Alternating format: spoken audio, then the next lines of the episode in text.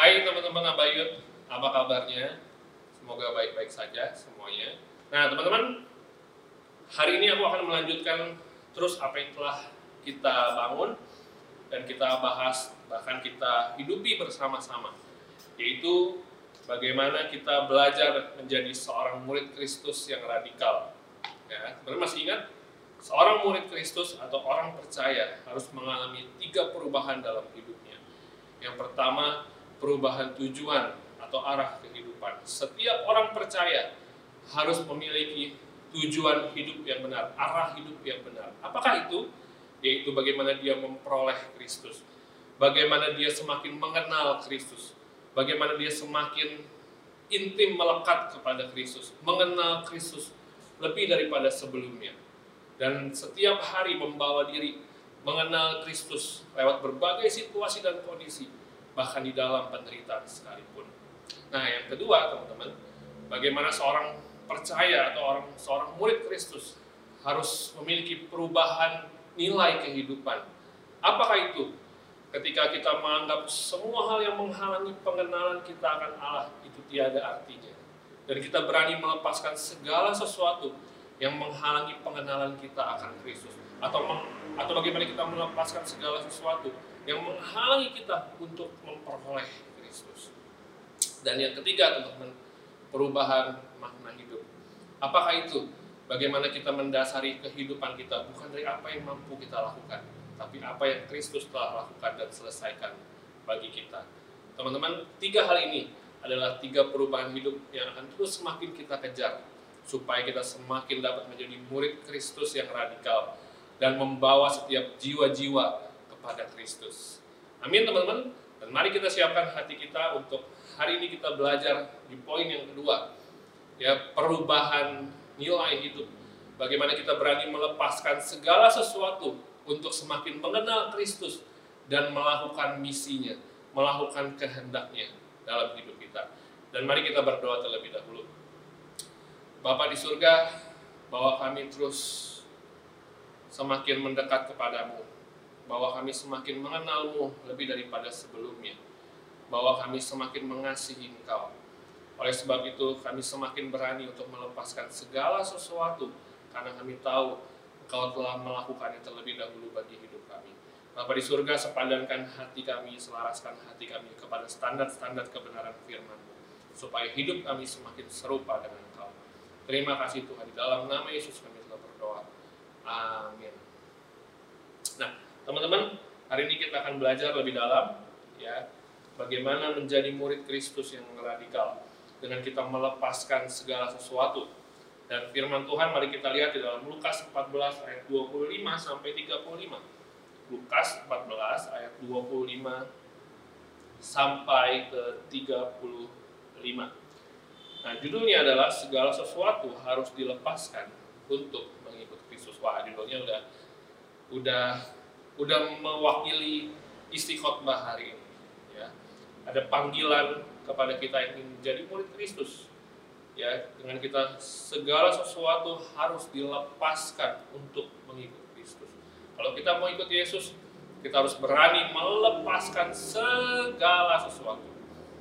Karena kita mesti ingat, yang mengikut Kristus bukan bicara kita memperoleh segala sesuatu. Ada banyak orang berpikir waktu ikut Kristus, waktu dia ikut Yesus hidupnya akan enak, hidupnya akan nyaman, doa-doanya akan dijawab, hidupnya berkelimpahan, berkat tercurah. Ya teman-teman, di dalam kita Kristus kita akan mengalami berkat-berkat Tuhan. Tapi itu bukan tujuan utama, itu cuma bonus.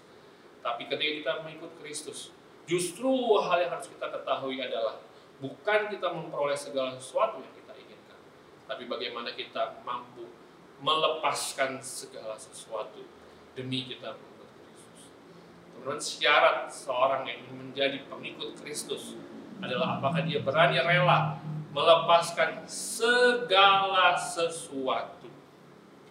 Nah, apakah segala sesuatu itu?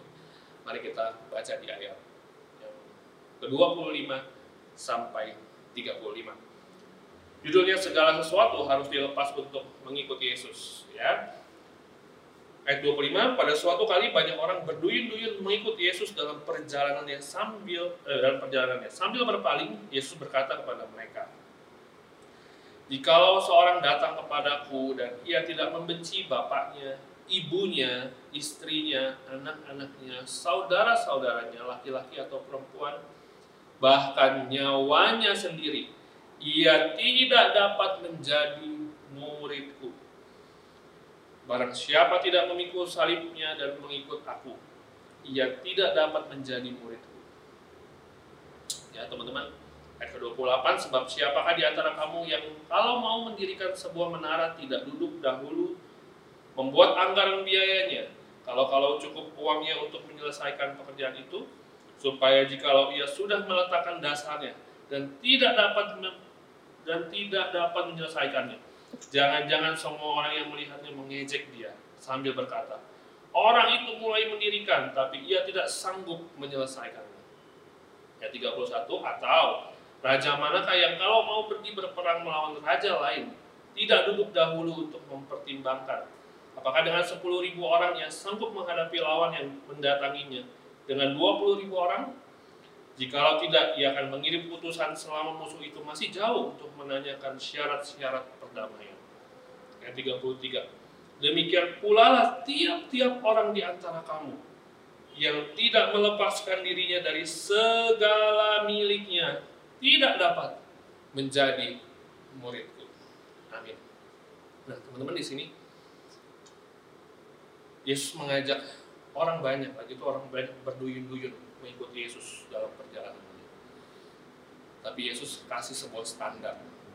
Orang banyak yang datang berduyun-duyun ikut Yesus.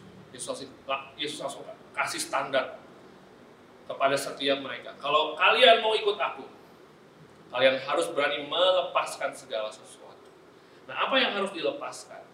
Nah, yang pertama teman-teman, ada di ayat 26.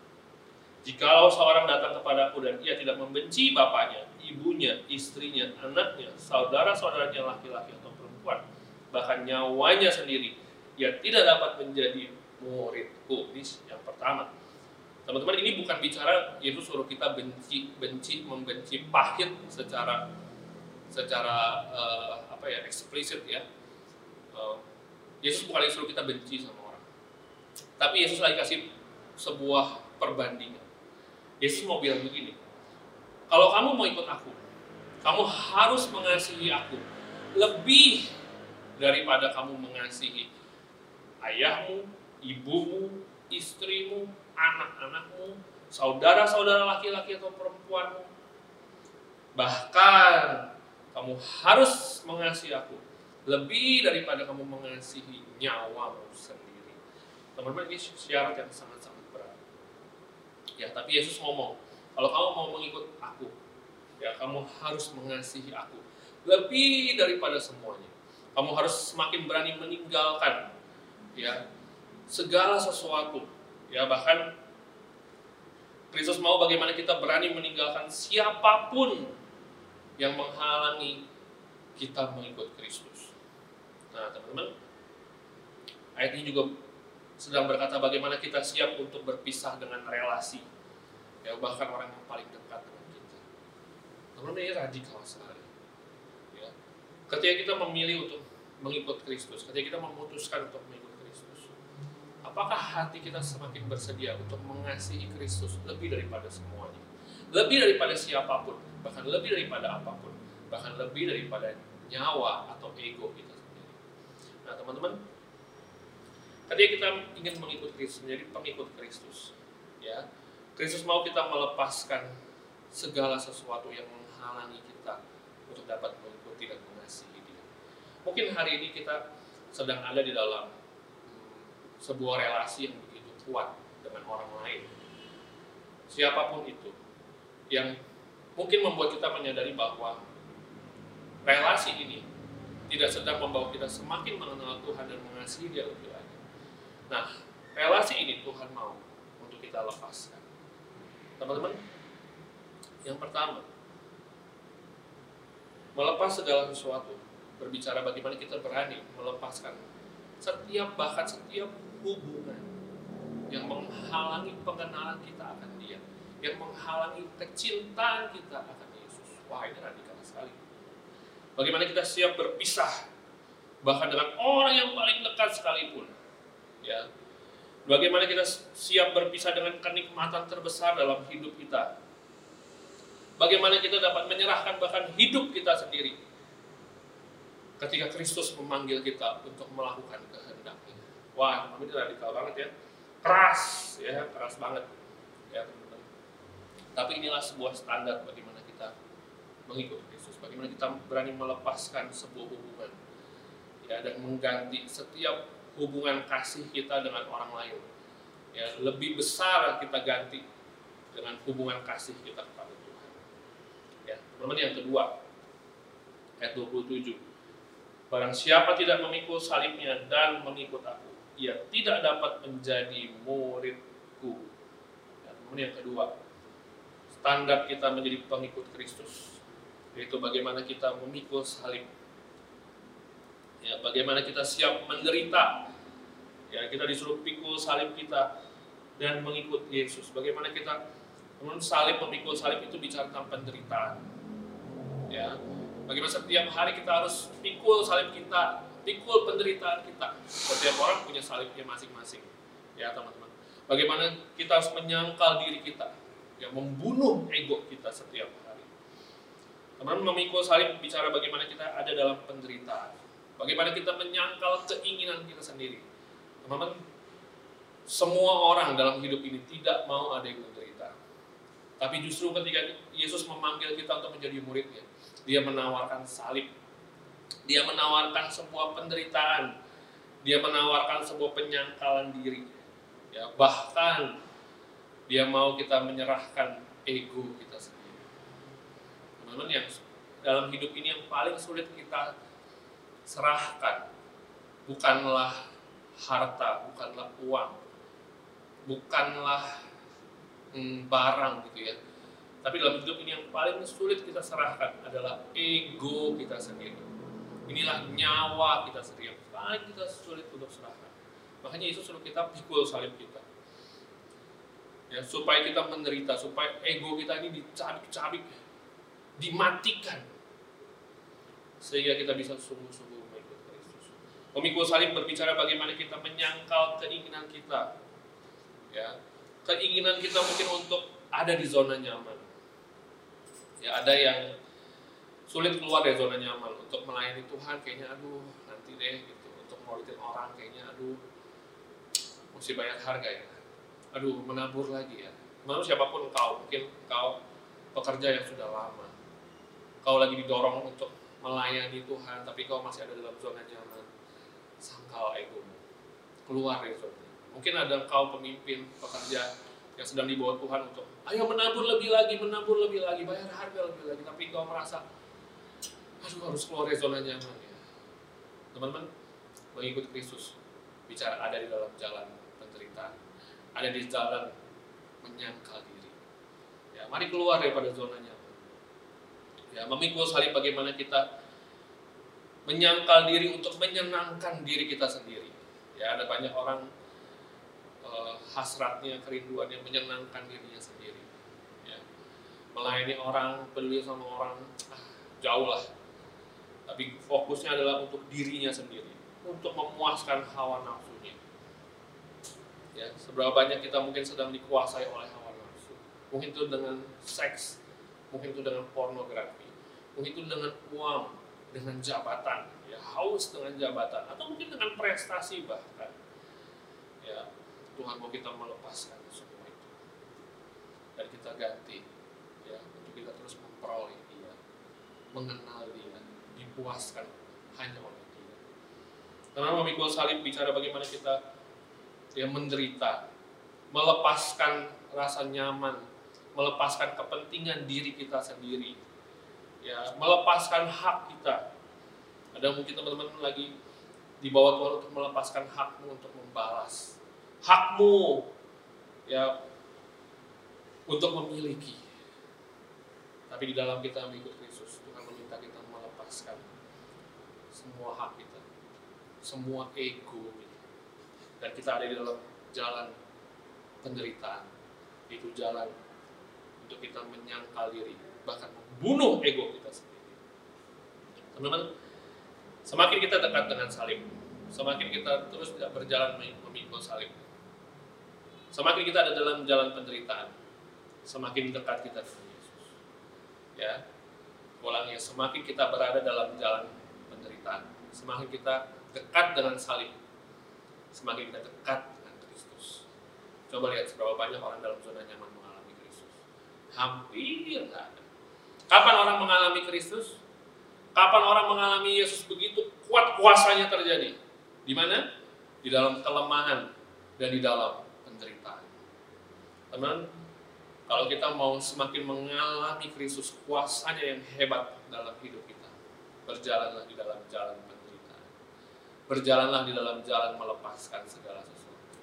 Karena kau akan temukan Kristus sendiri sebagai penghiburanmu ya, yang akan memuaskan, yang akan menghibur engkau bahkan di dalam jalan penderitaan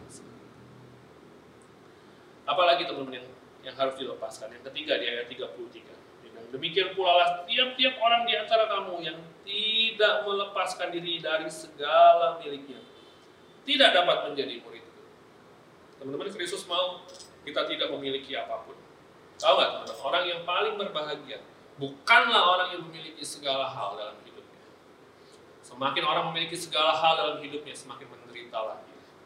Tapi orang yang merdeka adalah orang yang sungguh-sungguh tidak memiliki apa pun.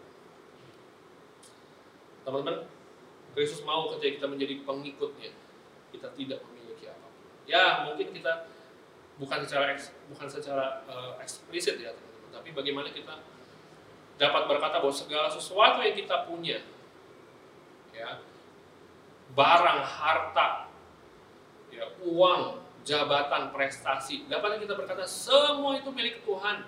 Bisnismu, usahamu, ya, karirmu, jabatanmu. Dapatkah kau berkata semua itu adalah milik Tuhan, bukan milikmu. Sehingga ketika itu diambil daripadamu, kau tidak menjadi kecewa, kau tidak menjadi hancur, bahkan luka. Teman-teman ada banyak orang merasa memiliki segala hal dalam hidupnya.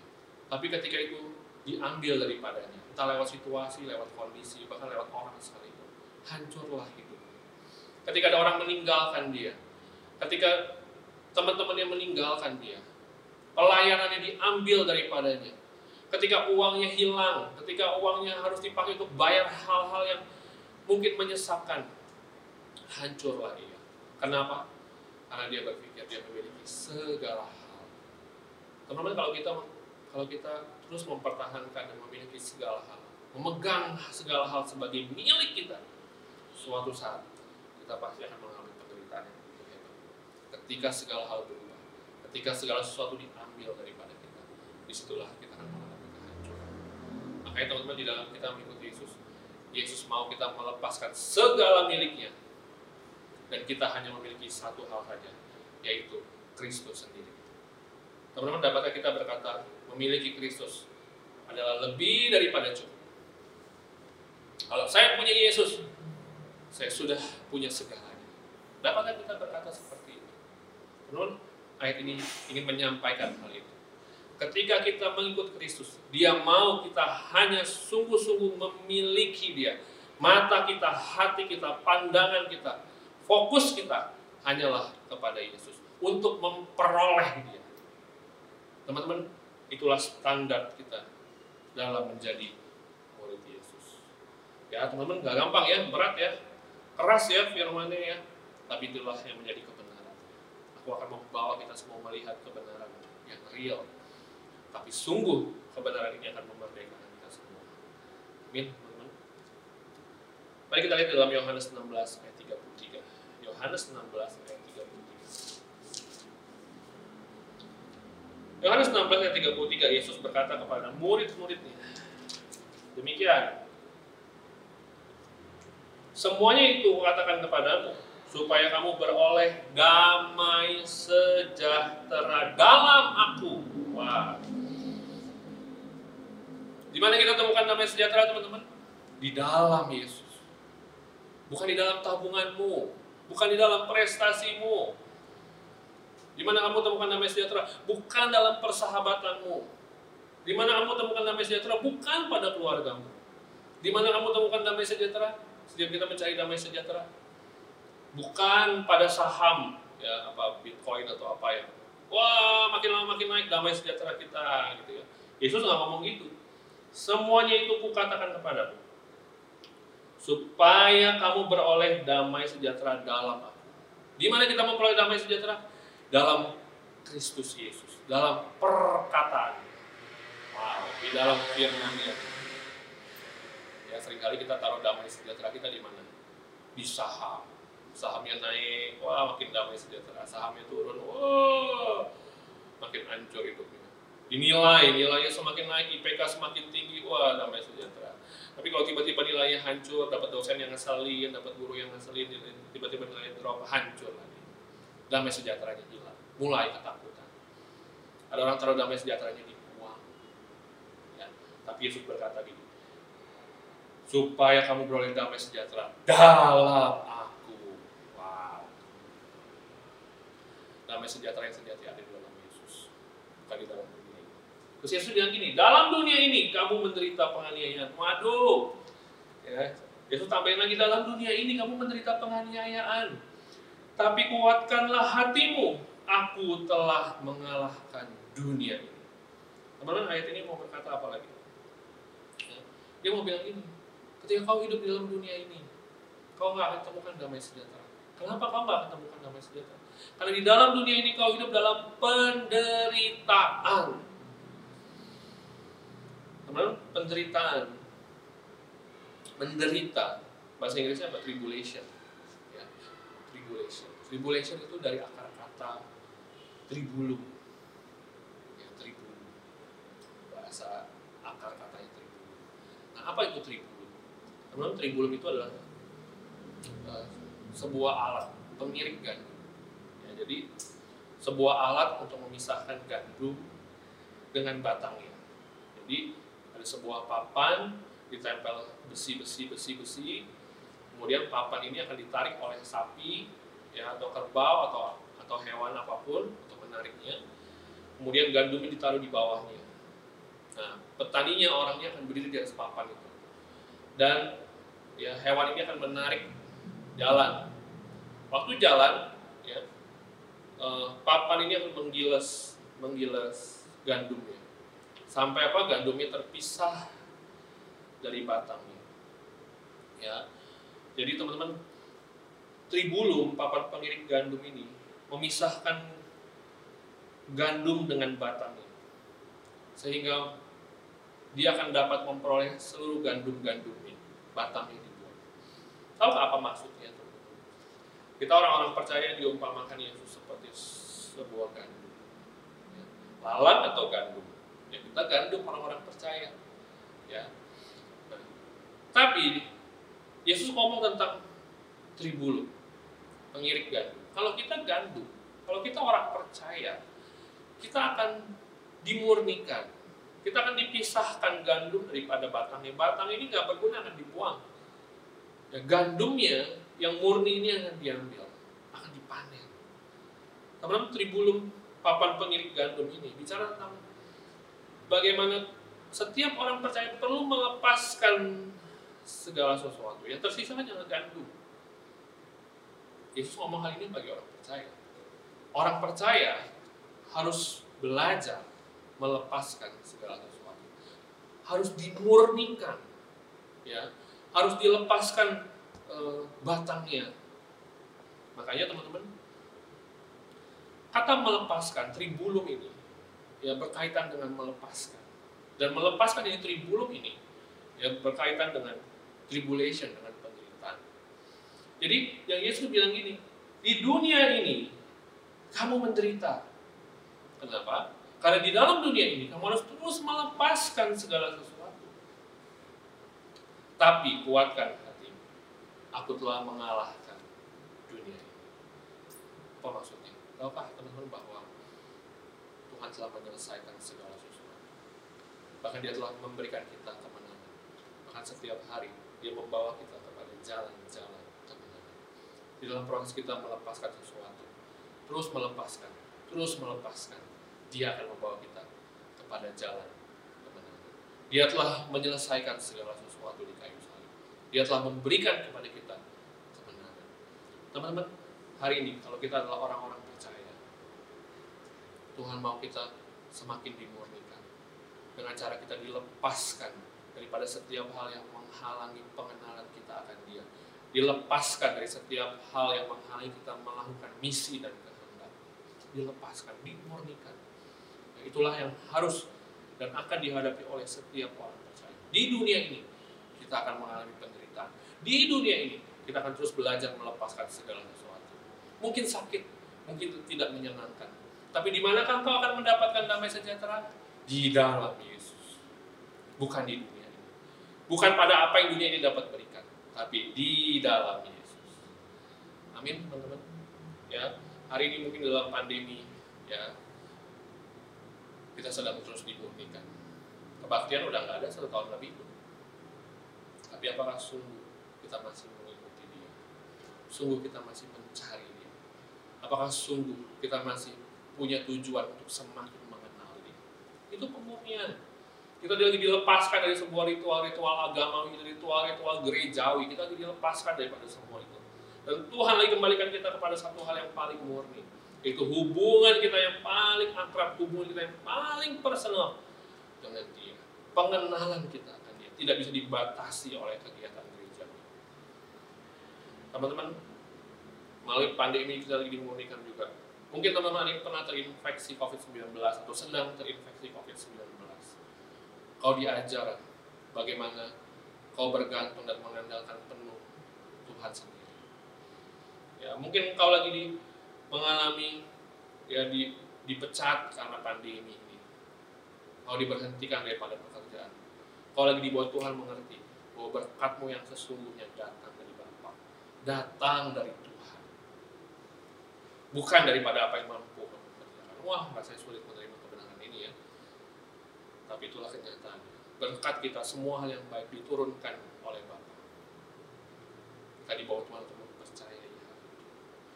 Waktu kita mungkin hari ini kehilangan orang-orang yang kita kasihi, Tuhan sedang mau ngomong bahwa damai sejahtera bahwa seharusnya kamu bersuka cita waktu kamu memiliki aku kata Tuhan.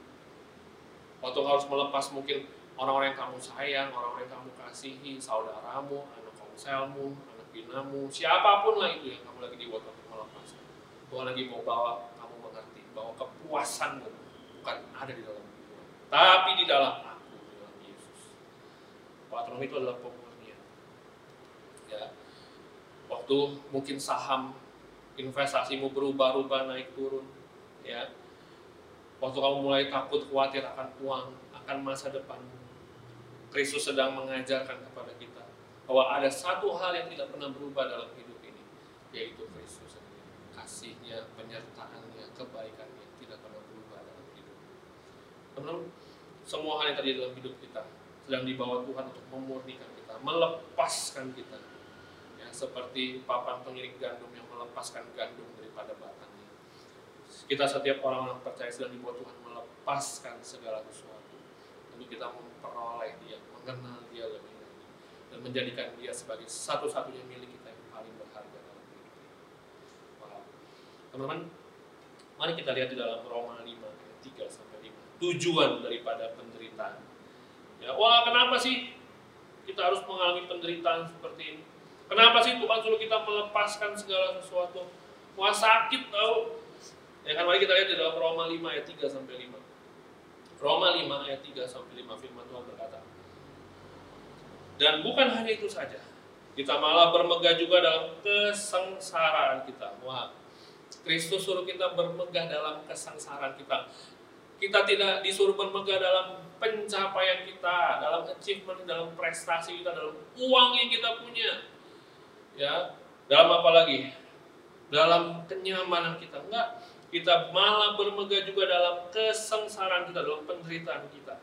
Karena kita tahu bahwa kesengsaraan itu menimbulkan yang pertama ketekunan di dalam penderitaan kita akan semakin tekun. Ya kita akan tekun untuk memperoleh Kristus.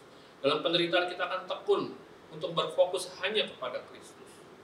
Ya apalagi dan tahan eh, kesengsaraan itu menimbulkan ketekunan dan ketekunan itu menimbulkan tahan uji dan tahan uji bicara karakter kita semakin tangguh Bukan karena kehebatan kita, kita semakin tangguh. Waktu kita dibuat Tuhan melepaskan segala sesuatu, kita akan semakin tahan uji, karakter kita akan semakin tangguh. Ya, tangguh apa? Tangguh untuk kita terus bersandar kepada Kristus. Bukan bersandar kepada apa yang kita miliki, tapi bersandar kepada Kristus. Dia bilang apa lagi? Dan tahan uji menimbulkan pengharapan. Ya. Bicara apa teman? Pengharapan. Kita dilatih untuk tidak berharap kepada situasi, kepada kondisi, kepada orang lain. Tapi kita dilatih untuk punya pengharapan kita hanya kepada Yesus. Semua diambil, semua dilepaskan. Ya. Ego kita dilepaskan, keinginan kita dilepaskan, situasi dan kondisi dilepaskan, orang-orang kita kasih mungkin kita lepaskan. Supaya apa? Ya, supaya kita tidak berharap kepada apa yang kelihatan, tapi hanya kepada Yesus. Pengharapan kita hanya kepada Yesus. Lewat penderitaan, pengharapan kita akan terus ditambah-tambahkan. Bukan kepada apa yang dunia bisa berikan, tapi kepada Yesus. Apalagi teman? Dia bilang, dan pengharapan tidak mengecewakan. Pengharapan tidak mengecewakan. Ya. Apakah pengharapan itu? Bukan apakah. Mungkin kita perlu ganti. Siapakah pengharapan itu? Pengharapan itu ialah Yesus sendiri yang tidak pernah mengecewakan. Teman-teman, orang lain bisa mengecewakan. Saham naik turun bisa mengecewakan. Nilai bisa mengecewakan. Guru bisa mengecewakan. Uang bisa mengecewakan. Prestasi bisa mengecewakan. Tapi ada pengharapan yang tidak pernah mengecewakan. Yaitu Yesus yang tidak pernah mengecewakan. Sebelum sepanjang aku mengikuti Yesus. Sepanjang perjalanan aku mengikuti dia. Dari aku bertobat, mengenal dia. Mengikuti dia, melayani dia sepenuh waktu sampai hari ini. Saya tidak pernah dikecewakan oleh Tuhan. Teman aku dapat berkata sampai hari ini. Tuhan tidak pernah. Sekalipun. Sekalipun aku ada dalam proses yang paling tidak menyenangkan dalam hidup. Aku dapati dia tidak pernah mengecewakan. Teman-teman semua, pengharapan tidak mengecewakan. Kalau kau menaruh pengharapanmu pada siapa, yaitu pada Yesus, kau tidak pernah dikecewakan. Ya, dan dia bilang gini, karena kasih Allah telah dicurahkan di dalam hati kita oleh Roh Kudus yang telah dikaruniakan kepada kita. Ya, di dalam penderitaan, kasih Allah telah dicurahkan. Di dalam penderitaan kita tetap adalah orang-orang yang dikasihi oleh Allah, dikasihi oleh Kristus. Dapatkah di dalam penderitaan kita melihat bahwa tetap Dia mengasihi kita dan tetap Dia baik bagi kita. Teman-teman, berkata Tuhan itu baik dalam situasi yang enak itu tapi di dalam penderitaan bukan Dapatkah kita berkata kasih Allah telah dicurahkan kepada saya di dalam penderitaan saya. Waktu saya melepaskan segala sesuatu, saya hanya puas oleh karena kasih Allah. Kasih Allah lebih daripada cukup. Karena kasih Allah yang besar, saya dapat melihat di dalam penderitaan ini semua mengerjakan kebaikan. Di dalam proses yang tidak menyenangkan, proses ditinggalkan, proses melepaskan, proses yang tidak saya inginkan sekalipun. Saya tetap dapat melihat dan saya tetap dapat percaya Tuhan itu baik. Kristus itu baik. Karena saya percaya Kristus itu baik. Saya boleh aman di dalam semua proses yang ada di dalam hidup ini. Bahkan saya boleh tinggal tenang, memiliki damai sejahtera di dalam penderitaan sekalipun. Karena saya tahu Kristus baik, sangat baik, teramat baik bagi saya. Karena kasih Allah telah dicurahkan melalui Roh Kudus ke dalam hidup saya. Teman-teman, penderitaan dan kemuliaan sangatlah terkait. Ya, dari tadi kita bicara hal tentang penderitaan. Ya.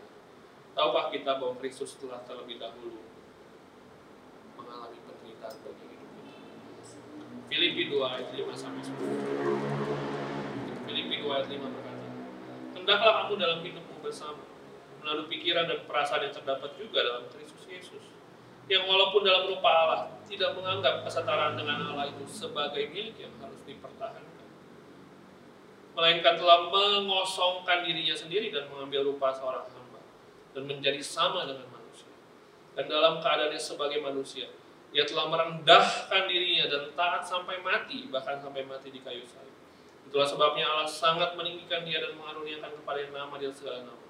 Supaya dalam nama Yesus bertekuk lutut segala yang ada di langit dan yang ada di atas bumi dan yang ada di bawah bumi. Dan segala yang dalam Yesus Kristus adalah Tuhan bagi kemuliaan Allah Bapa. Teman-teman, penderitaan sangat erat dengan yang Kristus telah menderita bagi kita. Yesus meninggalkan semua kemuliaannya agar kita juga bisa diselimuti oleh kemuliaan gitu, yaitu keserupaan dengan dia. Yesus ditolak agar kita bisa diterima. Yesus diikat, dia dipaku agar kita bisa bebas. Dia ditinggalkan oleh Bapa agar kita bisa mendekat kepada Bapa. Dan Yesus menghapus satu-satunya penderitaan yang benar-benar bisa menghancurkan hidup kita apa itu? Yaitu kita dibuang dari hadapan Allah Bapa. Teman-teman, Yesus telah menanggung semua penderitaan yang sekarang terjadi pada kehidupan kita. Ya. Supaya lewat penderitaan yang kita alami, kita semakin diubahkan, semakin indah, semakin serupa. Lewat penderitaan kita akan semakin mengalami kemuliaan yang lebih besar, yaitu keserupaan kita dengan tanpa penderitaan tidak ada kemuliaan. Tanpa penderitaan tidak ada keserupaan dengan Kristus. Tanpa penderitaan hidup kita tidak akan diubahkan semakin lama semakin indah. Yesus telah menderita bukan agar kita tidak pernah menderita lagi. Tapi agar kita, ketika kita menderita, kita menderita seperti dia. Dan penderitaannya menghasilkan kemuliaan. Teman-teman, penderitaan yang terjadi dalam hidup kita seakan-akan membuat kita nggak punya apa-apa. Ya. Seakan-akan kita nggak bisa pegang apa-apa. Ya. Melepaskan segala sesuatu seakan-akan membuat kita mengosongkan diri. Kita jadi nggak punya apa-apa, kita nggak punya kepemilikan. Ya, tapi Yesus telah mengosongkan dirinya terlebih dahulu. Demikian juga dia mau supaya kita ada dalam penderitaan itu mengosongkan diri, meninggalkan segala sesuatu. Mungkin itu akan membuat kita merasa kita nggak punya apa-apa. Kita nggak bisa pegang apa pun Ya, karena di situ kita akan sadar yang kita miliki hanya Yesus. Hanya Yesus. Teman-teman kita tidak akan pernah tahu bahwa Yesuslah yang kita butuhkan. Sampai hanya Yesus. Satu-satunya yang masih kita dalam proses kita mengikuti Yesus, dia mau kita melepaskan segala sesuatu. Supaya kita dapat berkata bahwa Yesus adalah satu-satunya yang saya miliki di dalam kehidupan. Mari kita berdoa. Bapak di surga terima kasih. Mungkin firman ini mengganggu hati kami, mengganggu ego. Tapi itulah kebenaran yang Kau membawa kami ada dalam jalan penderitaan. Kau membawa kami ada dalam jalan melepaskan segala sesuatu. Bahkan ego kami sendiri, bahkan nyawa kami sendiri Kau mau untuk kami melepaskan. Tuhan, Kaulah teladan kami yang sempurna dalam hidup ini. Kami memang tidak mampu. Tapi apa yang telah Kau lakukan bagi hidup kami akan memampukan Kau sendiri yang adalah Tuhan telah meninggalkan kemuliaan, telah mengosongkan dirimu taat kepada Bapa. Bukan hanya taat, tapi Kau sampai mati di. Kau telah menyerahkan nyawamu Tuhan, sehingga Kau mengalami kemuliaan itu. Tuhan demikian itu yang kau rindukan dalam hidup kami. Ketika kami ada dalam jalan penderitaan, kami melepaskan segala sesuatu. Kami mengosongkan diri dan menjadi taat. Taat kepadamu Tuhan, sampai ego kami bahkan mati. Dan di situ kami akan mengalami kemuliaan, yaitu kehidupan yang diubahkan semakin lama serupa dengan Yesus. Terima kasih Bapak di surga, sepadankan hati kami sesuai dengan standar kebenaran firman, sehingga dengan demikian kami menjadi serupa dalam nama kami berdoa, kami percaya kasih karunia-Mu Tuhan. Menopang, memampukan kami menjalani semua ini. Di dalam nama Kristus Yesus. Teman-teman semua sebelum kita mengakhiri ibadah, uh, mari kita share kepada teman kompak atau teman komsel kita. Ya, mari kita ceritakan hari ini hal apakah yang Kristus mau untuk kita lepaskan. Mungkin itu peganganmu kepada uang, kepada saham yang naik turun yang berubah-berubah sehingga mengganggu damai sejahtera. Mungkin Tuhan mau kau melepaskan hubunganku yang tidak sehat dengan lawan jenis. Dengan persahabatanmu yang tidak sehat. Mungkin kau sedang dibawa Tuhan untuk melepaskan orang yang paling kamu kasihi sekalipun. Ya, mungkin kau diminta Tuhan untuk melepaskan berhala-berhalamu, gemu, karena gemu telah mengganggu hubunganmu dengan dia. Mungkin kau diminta untuk melepaskan prestasimu, karena prestasimu telah menjadi segala-galanya lebih daripada Tuhan. Ambisimu, mungkin kau sedang dibawa Tuhan melepaskan karir, melepaskan usaha, melepaskan bisnis. Ya, supaya Tuhan mengaj dapat mengajarkan kepadamu bahwa pengharapanmu yang teguh adalah Yesus Mungkin Tuhan sedang mengajarkanmu untuk meninggalkan zona nyaman. Karena di dalam zona nyaman kau akan mengalami sesuatu yang baik. Mungkin Tuhan lagi bawa kamu semua melepaskan segala sesuatu, bahkan ego, dan membawa kau dalam jalan penderitaan. Supaya di dalam jalan penderitaan kau diubahkan semakin serupa mari ceritakan hal apa yang Tuhan tadi tadi uh, toel-toel di hatimu ya, Roh Kudus tunjuk di hatimu untuk kau deal dengan Tuhan, untuk kau serahkan kepada Tuhan. Mari ceritakan kepada teman konselmu, saling meneguhkanlah dengan kebenaran firman Tuhan. Ya, Kristus telah melakukan itu terlebih dahulu untuk kau. Kristus telah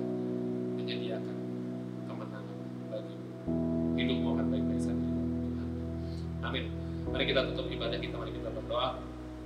Bapak di surga, terima kasih bahwa kami semakin lama semakin serupa dengan Kau, bukan serupa dengan dunia bahwa kami semakin melepaskan segala sesuatu sehingga kami dapat berkata memilih engkau adalah hal terbesar yang tidak dapat diganti dengan apa pun. Dan kami dapat berkata engkau lebih daripada cukup. Tuhan bahwa kami menjadi murid-mu yang radikal seperti itu. Semakin lama semakin lama di saat kami semakin memperoleh semakin melepaskan segala sesuatu. Kami semakin dapat melakukan kehendak misimu Bapa dalam hidup. Kami terima kasih Tuhan. Kami tidak dapat melakukan misimu. Tidak dapat melakukan kehendak kalau kami masih mempertahankan ego kami kami tidak dapat mengikut engkau Tuhan. Apalagi kami melakukan misi terima kasih Tuhan. Sempurnakan hidup kami sepadankan standar-standar hati kami dengan standar-standar firman. Itulah yang termulia dalam hidup kami. Terima kasih kami bersyukur dalam nama kasih teman-teman selamat. Hari Sabtu Tuhan memberkati